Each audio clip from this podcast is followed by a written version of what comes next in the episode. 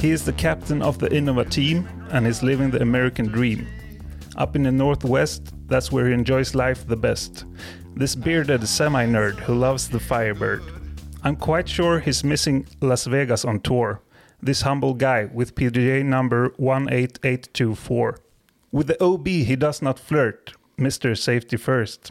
Consistency is key for he who throws with glee. His cashing spree stretched from 2005 to 2023.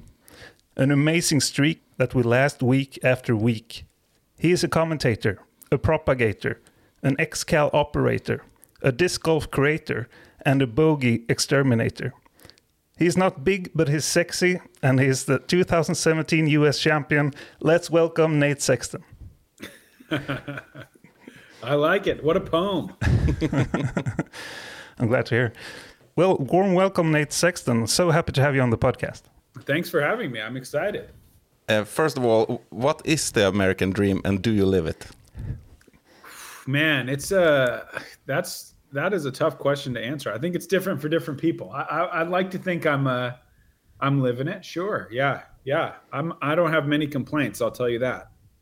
Nice. And uh, uh, we're talking about the Pacific Northwest, and and that's where you're origin from. Or from Salem at first, is that correct? Uh, I'm not.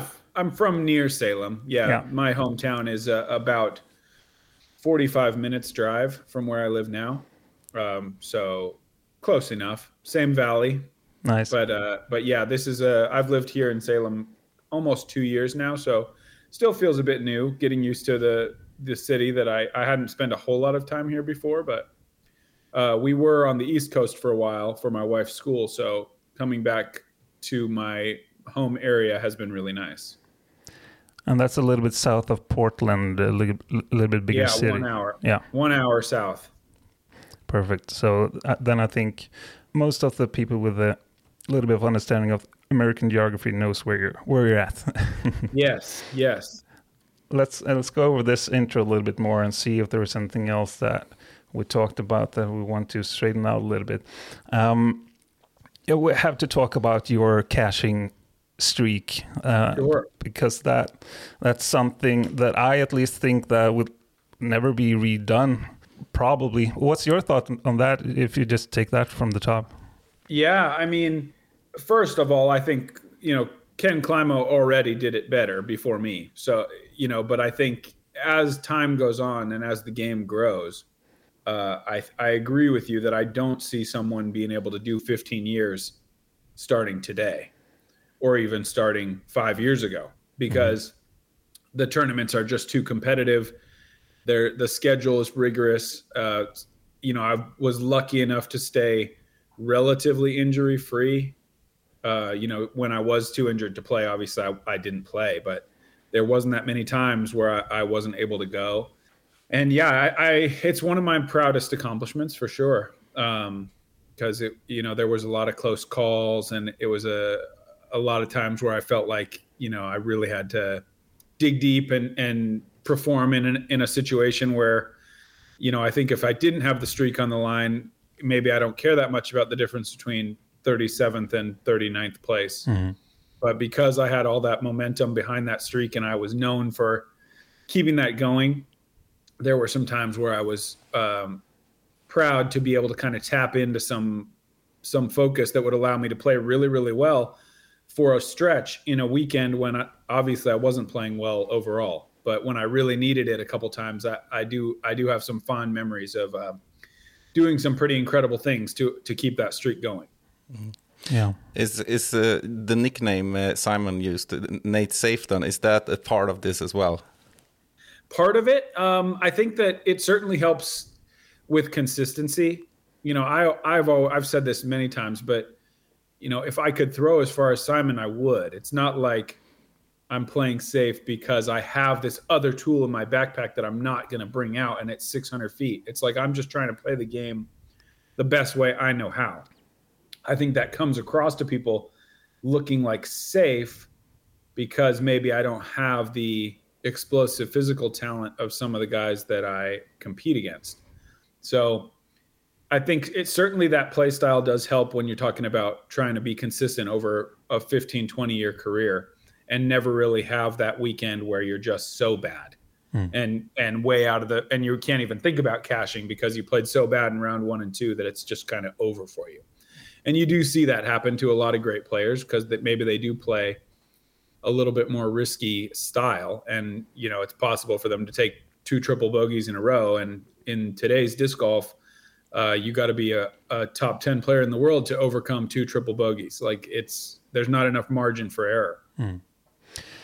Um, and just to specify a little bit, this streak that we're talking about, uh, it's cashing in the in tournaments that is Elite Series, Majors, Silver Series, and also National Tours. Is that correct? Yeah and b tiers and c tiers and every every pdga tournament Oh, it's every turn. All right, all right, yeah. I thought- well that was the the entire streak i mean obviously both of those things are true at the same time oh, yeah, i was cashing in all the big ones and all the little ones yeah. but Yeah. I think it was uh, 264 tournaments, and I and it was uh, somewhere between 15 and 16 years of actual time, Yeah, something like 6,500 days or so. something like That's that. That's pretty cool. yeah. yeah. We mentioned your commentary as well, uh, and me and, and Simon are uh, dabbling a little bit in that as well. So, what is the most important element that you would like? What what, what kind of tips would you give us? Oh man, in terms of well, wow, I think I think for me, commentary came very easily because I like talking and I like disc golf. And I'm I'm pretty good at both. So it's like I just kind of combining some things that I already like to do. So I guess my tip would be to not try to be speaking in someone else's style or in the style of a, another broadcast or another sport or whatever it is. I, I've always found that I just sort of speak as myself in the moment, what I'm feeling, what I'm seeing, and I've been successful doing that. So I guess that would be my tip. It's not some uh, formulaic thing where I like studied some broadcaster and tried to emulate a certain style. It was just more making it my own and and trying to be authentic uh, and speak about what I'm seeing and and convey why what I think is so amazing is so amazing. When some when Anthony Barela throws some amazing shot or whoever it is, finding a way to convey how excited I am and why that throw blew my mind and should also blow your minds out there listening to what I'm trying to say. Um, you've been commentating for both Jomez production and also for for GGN. Do you find it different to do the live commentary versus the the post production? Oh, definitely. Yeah, it's very different because with post production, you you almost certainly kind of know what's going to happen. I I try to avoid the spoilers a little bit. Like I'm not going to go into the stats on my phone and look at every putt and know exactly what's going to happen because I like to be a little bit surprised. I think that's a better product for everyone because clearly we're walking this funny line where we pretend not to know. And it's this funny like f- pretend live experience. I don't know why that's how it is, but that's how it is because we didn't have live. So we're that's the way we reproduced the feeling of live the next day. Uh, so that part is different, and then obviously the the uh, time it's so condensed. You don't really have time in post produced to like say a Yeah. lot about what you think.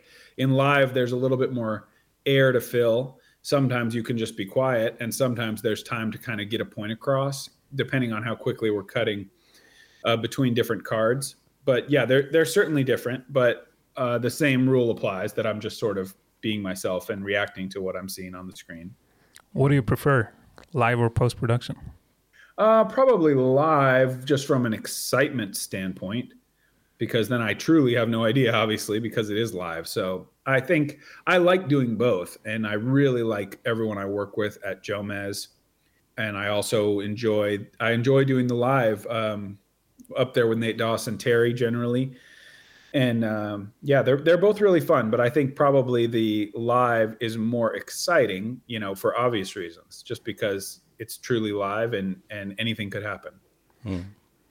I also have to ask because uh, you are by many considered to be the best commentator in disc golf, but who do you think is the best commentator? Hmm, I think there's a lot of good ones. Um, I I think that uh, Brian Earhart does a great job, um, kind of just speaking his mind and and speaking pretty eloquently, where he's not really tripping over himself too often. I, I, that that tends to be something that I think of and uh, respect and think of as as a really important quality that you can sort of speak naturally and and not get in your own way too much, like uh, Jeremy Colling, perhaps. Uh, no, but he's great too. But he he feels that he does a different role, you know, and and he's great at uh, accepting that and being kind of goofy, and and I really love working with him as well. But in terms of yeah, some of the best, uh, I think I think I would I would say Brian is is up there for me as a, a really good commentator. Um, but everybody fills different roles. So I don't, I'm not, I'm not in the business of ranking them. And I, mm. and I like working with Nate Doss and I like working with Terry Miller. I like working with Yuli and Jerm. And, um, and yeah, I, I respect all of those guys. Speaking of taking different like roles in in in, uh, in, in, the production and so, um, what do you prefer? Just working with one other commentator, or uh, sometimes you're three. I know, I know that. So, so what what do you think works the best for you?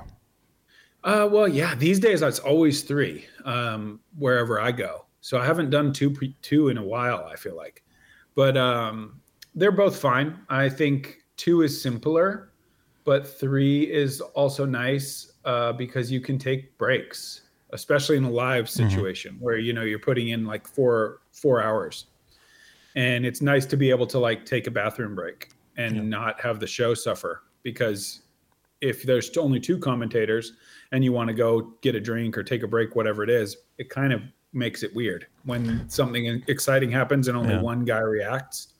That's like obvious. But in a three person booth, you can kind of uh, step out for a second uh, if you need to, or you can just take a break if you're sick of hearing yourself talk. And I, I do like that. You you mentioned uh, Big Jerm, and uh, he was also part of the introduction of you. I guess uh, you're always like a duo.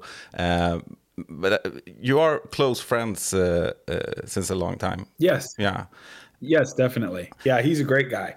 Um, it's been really fun working with him and and getting to do all the goofy stuff that Jomez has let us do over the years to kind of show the world our personalities or the disc golf world anyway. Mm-hmm. And and he's he's incredible at um, not many people I think are so able to and confident in themselves able to like be the the butt of the joke and smile and laugh too and like encourage that. You know like he plays that role really really well because you know we do that all the time. We're always kind of you know goofing around or or early in the Jomez days you know I'd always be trying to jump on him for any word that he used wrong or whatever and just turn it into a joke and i think some people even me included might like be offended or not do it as well as jerm does it. But jerm is like i'm constantly impressed by how much he like is willing to like enhance the show in that way and, and kind of play that role. Because i think he plays that up even more and we all do. We play that up like him being this big goofy guy. He's not actually as goofy as perhaps he seems in the uh, in some of the productions we're making because he's so willing to kind of be that be in that place to make the show funnier and make the show better. Yeah, and you, you could consider uh, like uh, an alternate path uh, as comedians. Uh, as a comedy duo, I, I, yeah. I, just popped up in my head because the other day it actually popped up in my feed. This the skit you did with the Jomez with the AJ Risley, I think yeah, the re- the really recent one or the old one where uh, in Las Vegas where he's making the putt. Yeah, the old one. I haven't seen the new one. Oh have, yeah, there's have, a brand yeah. new one that just came with the chess.com. I only oh, yeah. I only barely featured. Thankfully they wrote me in so I could be part of it via like FaceTime call and I did a few voiceovers for it, but it also has AJ. Yeah. yeah, watch that. That's a, that's at the open of the of round one of chess.com. Yeah. Okay, I missed that. But uh, now that you live uh, back in, the Pacific Northwest, uh, Big Jerm, uh, Jeremy Colling, we haven't said his whole name, I think, during the show. Uh, he lives in like North Carolina on the East Coast, right? Yeah. H how yes. how is it to be that far apart? Do you like FaceTime at breakfast? oh no, no, not not generally. Uh, but no, we do we do uh, talk. You know, every couple weeks in the off season, just like what's going on, or if if one of us needs to ask the other question or make some plans for the next season, whatever it is. But um, that's how our friendship has always been. It's not like we ever lived right next to each other. So, you know, that's disc golf friends in a nutshell. Really, all of us are are on the road together and meeting each other, but then we go back to our homes in the winter, and you know, you stay friends just uh, in different ways. It's not the same kind of relationship as somebody maybe you knew in high school that you're like seeing in person regularly. That, that could be a fun skit though, like n- big sexy, always calling to say goodnight and stuff like that. Yeah, yeah, yeah, I think people would appreciate it. Yeah, I've definitely had people ask me like one time I was at a dinner uh, when my wife was like interviewing to which medical school to go to. And and when we got there, somebody recognized me and was a disc golf fan. And they were like sincerely were like, Where's Jerm? and I'm like, you know, I think I jokingly said in the car, but but like not here. I mean, he's at his house. I don't know. So some, I think some people do see us that way in their Yeah. in their imagination. We're like arm in arm walking around, but uh, it, in truth, I I don't know where he is most of the time. to be honest, I get that question a lot too for me and, and Richard here because we are th- this uh, podcast duo that also Yeah. do the commentary and so on. So it's a little bit like, uh, where do you have Richard now? Yeah, where is he? I thought you guys walk- went everywhere together.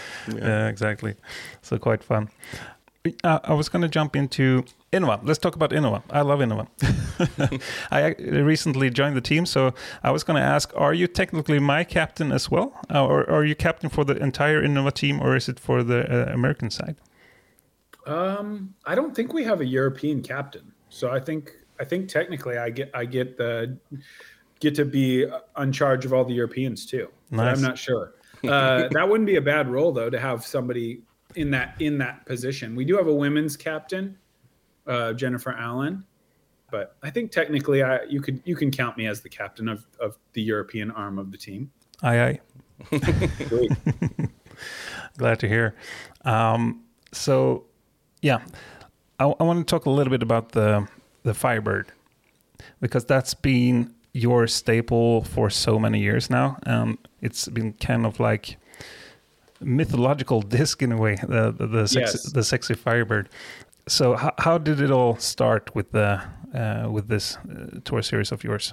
Sure. Um, I've al- I since I've been a professional, I've always thrown Firebirds. You know, obviously I'm a forehand predominant player, uh, and I really loved some glow Firebirds that were like fundraiser discs uh, in like 2006.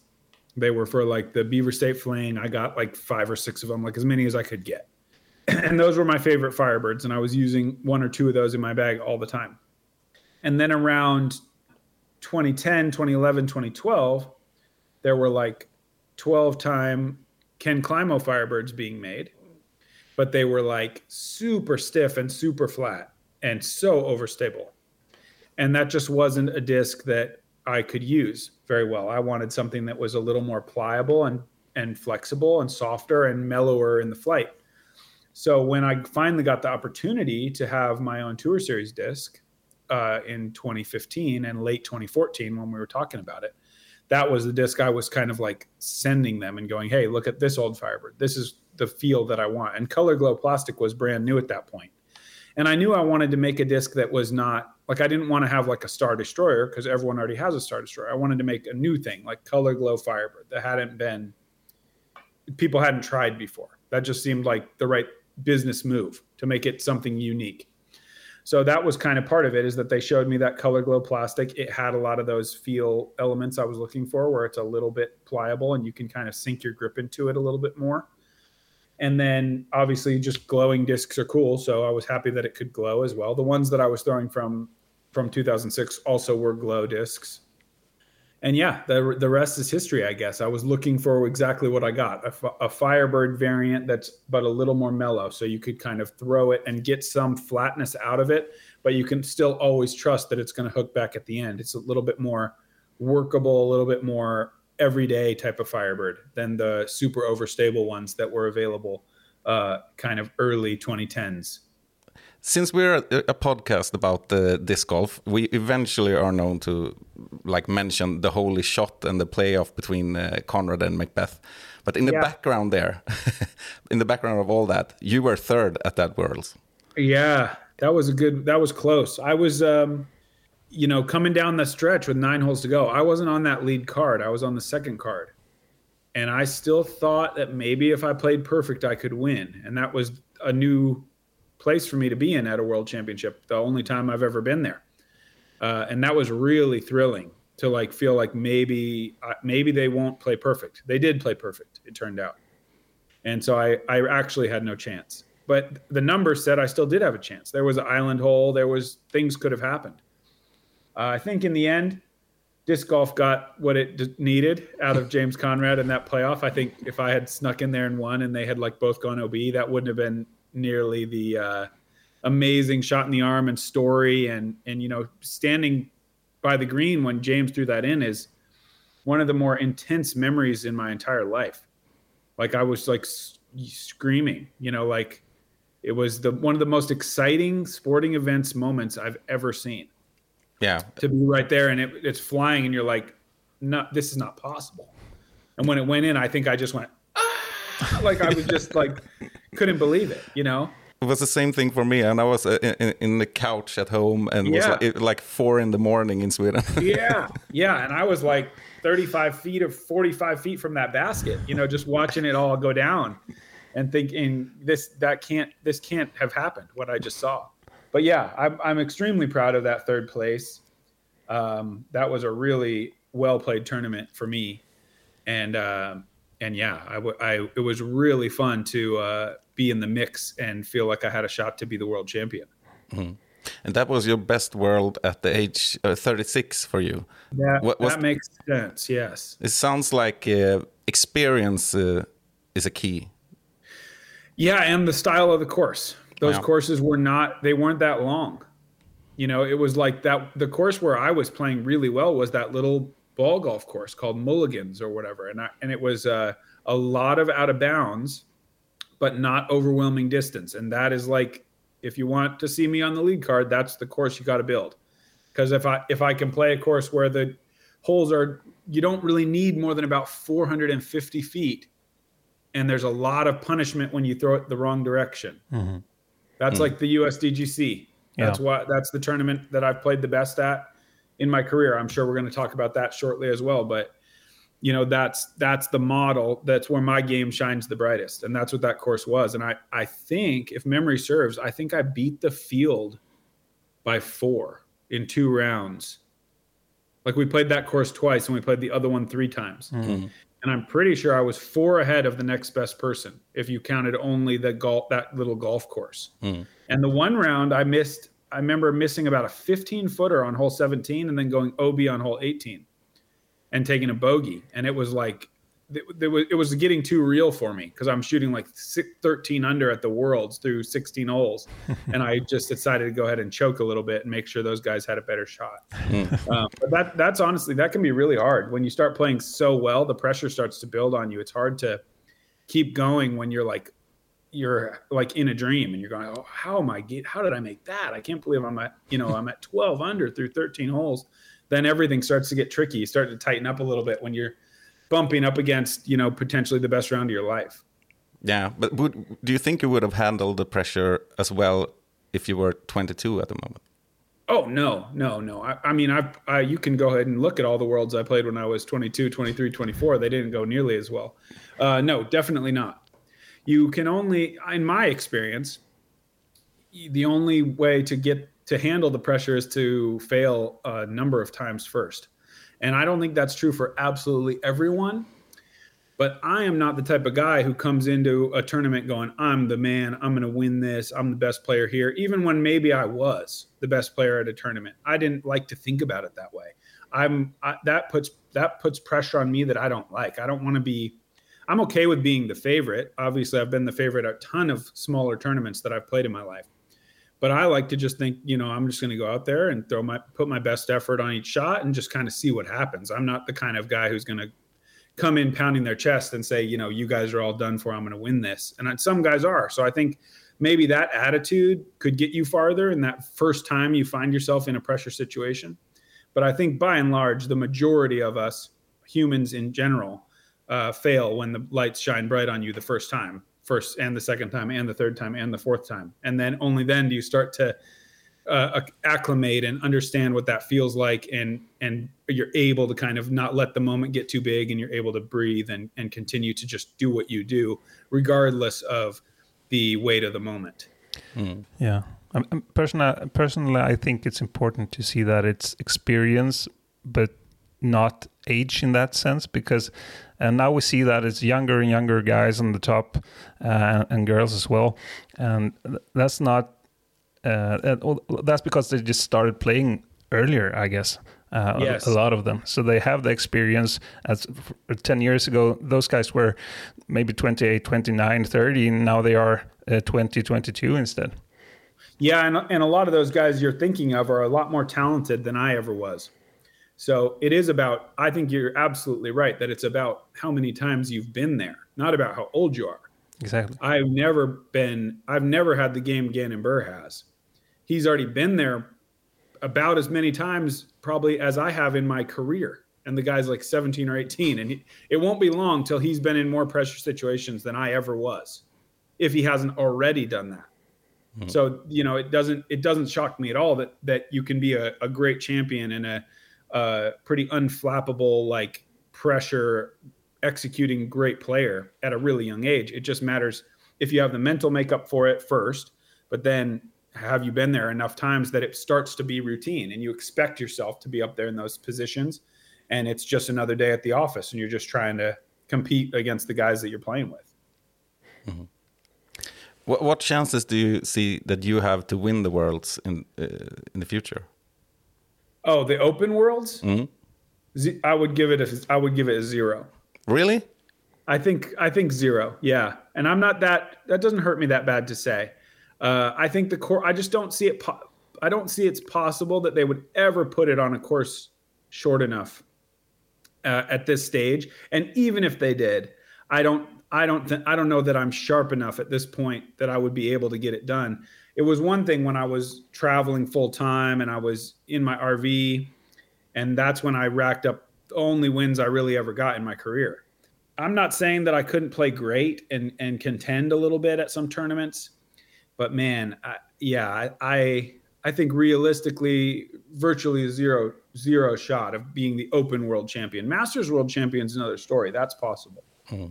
Do you do you aim towards playing MP40 uh, when you get there, or sure? It's just it's only next year, 2025. Yeah, um, yeah. I, I'm uh, excited for that opportunity. Uh, I don't expect to be like out there touring a ton to play MP40 tournaments, but the United States Championship and the World Championship are on my list of uh, of tournaments I would like to compete in. It'll be fun not to be the oldest guy around. yeah, and uh, I have to ask this, and I ask this as uh, someone who is two months uh, older than you. -huh. How do you age well in disc golf uh, or as a disc golfer? Um, I mean, gosh, I think you you got to just uh, play to your strengths. Play, you know, do what you can do. That's what I've always kind of felt like I try to do. So I think my game is is pretty good for that. You know, I'm not. I've never really been uh, relying on athleticism that much. Not that I I'm not a, a solid athlete and able to you know have the hand eye coordination and the the mental uh, fortitude to succeed in in disc golf. Like I, I don't want to take I don't want to pretend like I don't have any skills. I have a lot of skills, but maybe not the same skills as as some of the best players of in today's game at the moment. But um, but yeah, I think aging, you know, it's it's a fact. That's for sure. We're not. There's no way to get away from that. So I think just continuing to play and have fun and not worrying. I don't, I don't worry too much about like it doesn't hurt me one bit to think, oh man, it's my career is nearly over. Like that's okay. It's, I don't know. I'm not I'm not worried about it. It's just I'm I'm proud of what I've been able to achieve. I hope to still achieve more. I'm I'm proud of the legacy that I can leave in in the game of disc golf and I'm obviously not nearly done and I know I'll play my whole life. But I think I'm certainly quite close to the end of like my my touring career as like an elite professional trying to be on the pro tour. I don't see myself doing that past age 40. And I, and that doesn't um, I, maybe it'll bother me more after it's gone. You know, maybe then I'll be like I wish I was getting on a plane, but right now I feel uh, pretty content and uh, you know, still hungry to do more and play more, but not I thought it would be sadder, I guess is what I'm saying. I thought I'd be more like, "Oh man, I'm getting old and I don't know." Like I don't know. It, and it doesn't it doesn't feel like I thought it would. Well, that's positive. Yeah. Yeah. I'm glad to hear. Mm, we were we were touching the subject a little bit earlier uh, regarding USDGC, and I think we can we can give that a little chat as well because uh, first and foremost, it's an, it's quite an interesting course, uh, and we here in Sweden at least hear a little bit of this and a little bit of that about the course. Some some people love it, some people hate it, basically, and and it's it's a little bit controversial. It's what I'm trying to say. The course itself. Um, what do you stand uh, on it? Try to look at it as objective as you can. Yeah, I mean, I love playing there. Uh, part of that might be, you know, how successful I've been. Part of it is that it's a Innova's flagship event, and I've always been on Team Innova. So going over there has always been exciting, and and getting to see everybody and and make some videos and and um, kind of be on, you know, home turf in a way. Even though I don't live there, but everything is just Innova and everyone in charge of people I know. So that's nice but I love it. I mean, it, certainly it, it has pushed boundaries and they've done some weird things and they've done some things that I haven't liked, you know, and they've done some things that I've loved. But they've never been afraid to do something weird, that's for sure, and and kind of test something out and throw a curveball at the professionals that, so to play certain types of holes that we've never seen before. And I think it has certainly influenced disc golf in a huge way, you know, in that all the all the OB stakes that we see now everywhere we go you know, I think a lot of that is kind of inspired by some of the what the USDGC did and and finding a way to put like the most pressure possible on the player and on the shot where there's two or three strokes hanging in the balance on one single shot because if you don't make this island you're taking at least a 5 or whatever it is. And you can it's not just as simple as like leaving it 40 feet missing a putt whatever i lost one stroke onto the next hole. It's like your mistakes are compounded so there's a lot more pressure on you the whole time. It's a mentally exhausting place to play disc golf because you can't relax ever because every shot could be the round ruining shot if you if you let it get away from you. But mozzarella sticks, yes or no? I guess I would go for a it's a soft no. Ah. Soft no. I don't hate them. Like I understand what they're doing. Um, but I guess I I wouldn't do that. All right. Yeah, and to clarify, I've only heard good things about the event. Uh, by the way, uh, a lot of people have that higher than the worlds and so on as well. Uh, Yes. so, so I can totally understand that. Um, and also, I think it was Paul McBeth sometimes saying that in an interview that you have to like view USDGC as like a disc golf experiment in a way that they that as you say that they try new things. And uh, and that's a part of developing the sport of course that you have to try and sometimes it it's good sometimes it's bad. But if you don't Yeah. try you never know.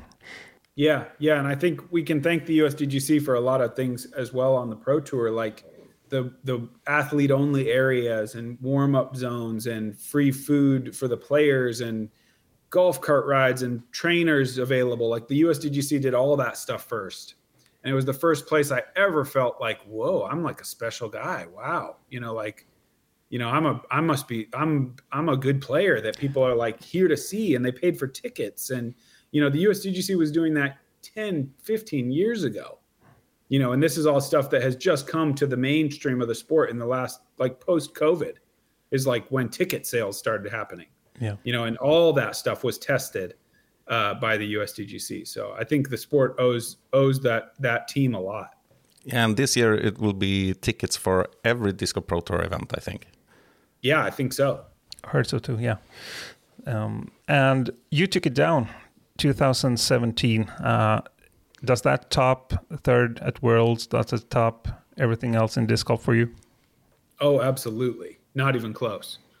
Uh, that was the the that's in many ways the biggest achievement of my entire life. You know, it's the most maybe the most important feeling thing that I've done. You know, aside, you know, obviously you can. It's a totally different thing having a wife and a family and a daughter. That's obviously super important to me too.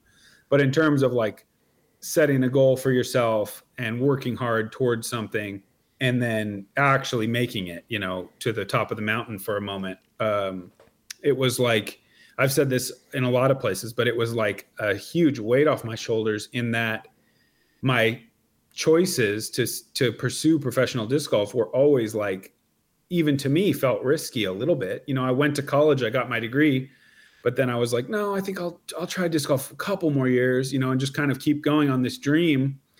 And there wasn't really like a path to like a career, like it didn't really exist, but then it but here I am and it, it worked somehow you know, and and that winning that tournament in that moment was kind of like, wow, like it made it, it made every all those decisions so unquestionably worth it to me. Where had I never achieved a big win, then you it's like I still would probably be happy that I spent so much time on disc golf. I hope, but I think you know that that was very important for me to be able to look back and go, okay, like I'm I'm actually glad I didn't take a job or and do this or and you know I'm I'm like about the first generation of player that's I, I've never had like a 40 hour week job. I've worked jobs certainly part time things and but I've never and you know I have a college degree but I've never used it. And it's like my generation of players, the first people that that like even Ken Climo had to work the whole time. You know, so it's like to to be there and and look back and and be able to say that I like was able to help pave that road. Uh, you know, obviously following behind legends, not saying that I did it alone or anything like that, but uh, is is surreal to me, honestly, to look to see see what I've achieved and and where I've been able to position my family for success in the future, all by throwing frisbees in the woods. It's like unbelievable. If you could tell if you told the 22 year old me that this was going to work, I would not have believed it. Cool. I was a little bit curious about, curious about one thing. You mentioned uh, uh you, you have a family and daughter, and uh, uh, she was uh, very young when you took it down, and you, yeah. you were quite a new father back then. Um, yeah, and and I, I, think I can see like a pattern of, of of new parents uh, kind of uh, topping their game. Do you think there is a correlation there? Uh, Paul McBeth certainly hopes so. Yeah, that's true. but uh, I, I think there's it's possible. Yeah, I think it changes your perspective without a doubt, and it puts a little more sharp. I think in a way I was able to use it to sharpen my focus there's tons of times where I've been standing over a putt and going, you didn't bring your daughter and your wife all the way across the country to come miss this putt. Mm-hmm. And I'm not saying I made them every time, but I made more than I would have if I was just humming some song in my head. You know, so it like helped me help me find motivation. It helped me uh yeah, just like kind of get through some tough moments on the course or tough situations in tournaments mentally because it's like you're you know you're trying to succeed for them you know and for yourself too but yeah i think there's something to that certainly simon you know was on fire yeah. a, a, little bit after having his son um yeah, Emerson as well. I, you know, I hope for I hope for Paul's sake that it's true. Maybe we'll see a all timer season from Paul. That'd be awesome. Yeah, correct me if I'm wrong here, but didn't uh, also Emerson kind of break through um, just after being a father as well? I think that sounds that sounds about right. Mm. Yeah, his his daughter is a little younger than mine, I think, and mm. you know, yeah, he he had some huge wins in there as well, definitely. Interesting. But the, uh, I also find it interesting that you do use that perspective to put more pressure on yourself. We had uh, um, like a coach uh, with us on the show a couple of weeks back, and uh, he talked about uh, one of the important uh, things in disc golf or sports like disc golf is you don't equal like your success on the course with your worth as a human. Yeah, if you get yeah. what I mean. Uh, that's kind of the opposite from from what what you seem to be doing. yeah, I mean, I, I don't think I was really putting my worth as a human on the line ever. No. But I, but I did feel like, you know, sometimes like gritting your teeth in those moments and just going, come on, like that, that helps me. Mm. If I can find, find some motivation and, and really try to focus sharply and like, I'm going to give this shot all the power I've got, or, you know, I'm really going to, you know, do this, you know, whatever it is, just these small moments. That's what disc golf amounts to in a lot of ways is like, it's like three or four hours walking around, but it's like three total minutes of like sharp focus. And like being in those moments, like as intense as you can be, like it doesn't matter if I'm laughing and joking before and after. But in that moment when I'm like lining up the shot, I got to be laser focused in. And, and in that way, I think it could help me sometimes um, sharpen sharpen myself a little bit when I'm when I'm like using that as motivation, saying, "Hey, this isn't just for me. I'm trying to do, you know, I'm doing this for whoever or whatever, you know, whatever motivation you can manufacture for yourself to make sure that you're accessing the highest level of focus that you can." Makes sense. Makes sense. Mm, we've been talking about the, the, the quite obvious stuff here with you, with the Firebirds and um, and the USDGC and so on. Do you have like any moment or story or something from from your career or from the tour in general that you that you not that used to sharing? If you, if you get my question. Mm, let me think about that. Um, so maybe the things that come to mind is some some early successes that I had that kind of like let me know that I could stand toe to toe with some of the legendary players that I was chasing. Um, going to Japan in 2008 and playing with the 150 class discs and uh, finishing in fifth place. And I, gosh, I hope I don't have this quite wrong, but I think I have it right. Is that I made a putt on the last hole that I think let me beat Nate Doss and Ken Climo. Pretty cool. And I remember being like, whoa, like, you know, those guys are, those guys can't be beat. You know, it's kind of like the way that I saw them. You know, I had them elevated, you know, rightfully elevated at a level, um, you know, far, far above myself. I, I didn't win the tournament. I got fifth, but it was still just kind of like a wow, like that kind of moment. Nice. Was that the year Jenkins took it down? Uh, I think that, uh, gosh, it was either. I feel like it was either him or Dave Feldberg. Hmm. I, I don't know. I should know. I should know that. I know that. I know that Manabu was in the final nine, and Yuthi Maresma was also in the final nine. Mhm. Yeah, I should remember that. But I was too focused on beating Climo and Doss for fifth. I didn't. I was like, whatever. I don't need. I, I'll beat those guys another time. I don't hold that against you that you don't remember Yeah, the entire yeah. podium. I remember also in speaking of Avery and Dave, they both moved to Oregon like around 2003 or so Mhm. to go to the University of Oregon, and I was I had just graduated high school. I was probably 18 years old when they moved to my area, and I re- I think it was also 2003 that it was my very first, maybe my second tournament as a pro, and I beat Dave and I and Avery beat me, but I got second. And I remember thinking like, whoa, okay, like you know, it was on my home courses, but still, it was like, you know, I had some round that was my highest round rating ever, and you know, just to be able to come in my second tournament as a pro, be like, I just beat Dave Feldberg, like we can do this, like, mm. you know, let's let me get bring on some more guys. I want to beat some more guys. This is how I remember feeling. Mm. Sp- speaking of your home courses, and, and correct me if I'm if I'm wrong here, but was it surprising to you that that uh, when you lost the streak there that you had for so many years that it was on Portland? No, because that's on a ball golf course. That All and it was insanely long. like that. No, that uh, that didn't surprise me at all. It was disappointing, certainly, uh, but that was uh, not a course that I'm used to playing at all. It was a brand new layout, Oh, that's right. and yeah. I, and actually the the course was like an east course and a west course, and and the east one I think I'm getting that right. One of them I really like and play quite well. The other one was like punishingly long, but for me, and we had to play it twice in a row to start the tournament, which I really didn't like because mentally that was hard for me to Mhm. co- to be so far down before I got to play the course I liked better. So that actually got my wheels turning on thinking that that should be maybe almost mandated if you have two courses that they're they must yeah. alternate. Mm-hmm. Mm-hmm. You shouldn't be allowed to play like the really tightly wooded one twice because then the guys that specialize there are way out ahead and feeling great when they mm-hmm. get to the next one. Like I think it's more fair if you were able to flip flop them. Not to say that I would have, I still would have blown the cash streak very soon after because I missed cash a bunch more that year. Things things went wild after I missed cash the first time.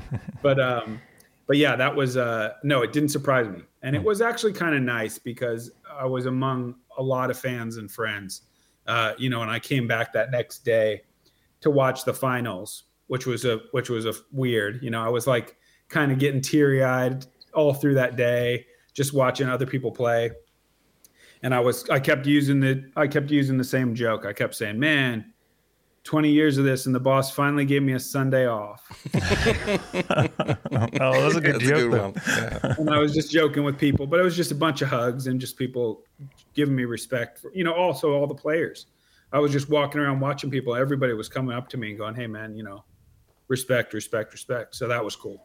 Mm. Yeah, it's it's kind of like finishing an achievement, basically. Yeah, sure. It had to end someday, Yeah. you know, and I always knew that. So it was hard, but you know, I, I guess I kind of almost prefer that it be at near home and and all those people that I had known for years and years are there in the crowd. You know, that was cool. We're gonna wrap it, this up uh, pretty soon, but I, I, I want to ask you, what do you think the future holds for for the sport of disc golf? Man, it it a sure small did question. grow there. it, it it grew in a way that I never thought it could. You know, I've been asked this question my whole career. What's the next five years like? And I always used to say, about the same as this, man. Like everyone's always thinks it's going to blow up. It's not going to blow up. We're just growing slow and steady, and that's okay. But then we kind of did blow up, and I didn't see that coming. Uh, so now I hope we can grow slow and steady from here. You know, I'm a little worried about where what's on the backside of the mountain and can we continue to grow and how does it all work? I think the Disc Golf Pro Tour has been doing a fantastic job um, shining a light on the professional game and and giving people an opportunity to make careers. So I hope that continues. I hope I hope we can kind of just see a nice, steady and slow growth. Honestly, I don't think we. I think that's the safer way. That's the sa- that's the Nate Safeton way to do it. We don't want to like explode and dip, and you know, it's like we had this amazing expansion of our player base and attention on our game, and from here, I think maintaining and and you know just slowly adding and and making things better is is would be awesome. If if if we can succeed at that, it's going to position disc golf to you know be a uh, you know, a, a household type of sport, like something everybody knows about, you know, but in, in 10 or 15 years. Well, it, sounds promising and and and uh, plausible. I'd say that. Yeah, I hope so. I hope so. I'm going to, I'm going to do my part, try to help. Um, nice. And for all the Sexton fans out there, wh- uh, where can we find you this year? all over the place. I'm, I'm, I think it's, it's starting to look like I'll be in Europe for a whole month. Oh yeah, So uh, Well- I'm, uh, I'm making plans now, but I, I expect, I, I think I'll be in Norway, Finland, Estonia, and Sweden um, this summer. So that that'll be exciting. I'm really looking forward to that. And then, you know, as far as in the U.S., uh, I'm leaving for Texas next week to play two tournaments. Obviously, I'll play the Oregon tournaments, uh, and then Worlds, USDGC, uh, and probably a couple other pro tours sprinkled in there where I can fit them in. Um, that'll be kind of my my basic schedule, and then you can always catch me on uh, Disc Golf Network on commentary virtually anyway, because I'll be doing a broadcasting Champions Cup, Jonesboro, um, and a, a variety of other tournaments. I, I have to ask you, uh, being the, the um, on-site manager of uh, Ale Disc Golf Center in Sweden, I have to uh, ask if you're uh, coming there. That it, would be really fun having you. We're having the Ale Open this year. It's a, a Swedish midsummer, the weekend uh, before Swedish Open in Borås, and it's just an hour apart, basically. Is that before European Open? Yeah, it's like a month uh, ahead of European Open Yeah. in mid I, mid June. I doubt it. I doubt I can Oh. do it because I, I got that whole month planned kind of around European Open. Oh, okay. but So- I've heard great things about Ale. I'd love to see it someday. I think the one the tournament I'm looking at in Europe uh, to try to play is the Tini or or whatever at Yarva All right. Yeah. after the after the uh, European Disc Golf Festival in Tallinn. Yeah, it's the fir- first weekend of uh, August, I think. Yeah. That's the one. I that's the Swedish event that I think I may play. Yeah. Yeah. That's a little bit closer to European Open, I think. Yeah, Um, two weeks after. Cool. So that it's going to be great fun having you in Europe, anyways. And and uh, let me know if you if you get some time off and, and visit Ale. It would be so fun. nice. Is that is it south from Stockholm? Uh, it's uh, southwest, but mostly west. So it's on the west coast, close to the second biggest city of Gothenburg. Okay. Okay. Yeah, I would love to. I don't know. I don't know if it'll be possible, but someday. Someday, I hope. Third on the UDisc top 10. Uh, Yeah. Yeah. Yeah, that's true. Yeah. and, and I saw that Krokhol, where we're going in Norway, is number one all of a sudden. That's Yeah. that's Yeah. incredible. We've been there and and actually interviewed the guys uh, last Behind the year. course, yeah. on Krokhol. It's a, an amazing, an amazing place. Yeah, I'm looking forward to seeing that. That's going to be uh, really, really cool. Okay. Uh, nice talking to you, Nate. And and uh, is there any last like shout outs or anything you want to say before we we let you go?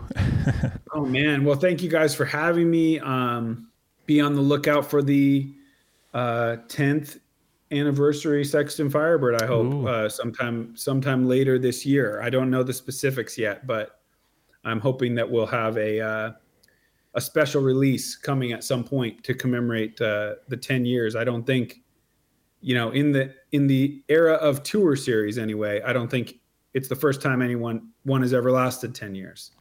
So that's kind of cool. Obviously, Ken cool. Climo's had his name on discs forever, but tour series kind of the new way of doing things, and this mine will be the first one to have uh, ten years going strong. That's amazing. Looking forward to that. Um, all right, Nate. Thank you once again for taking time to do this. We're very grateful for that. Uh, and I hope to see you again soon. All right, thank you guys. Thanks. Bye. Bye. Will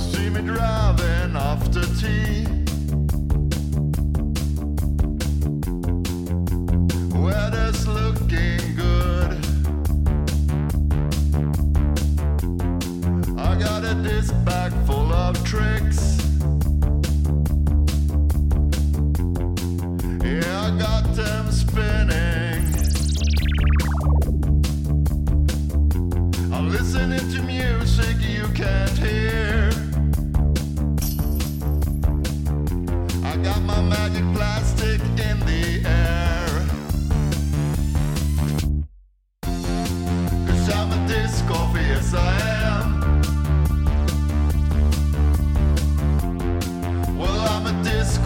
yes I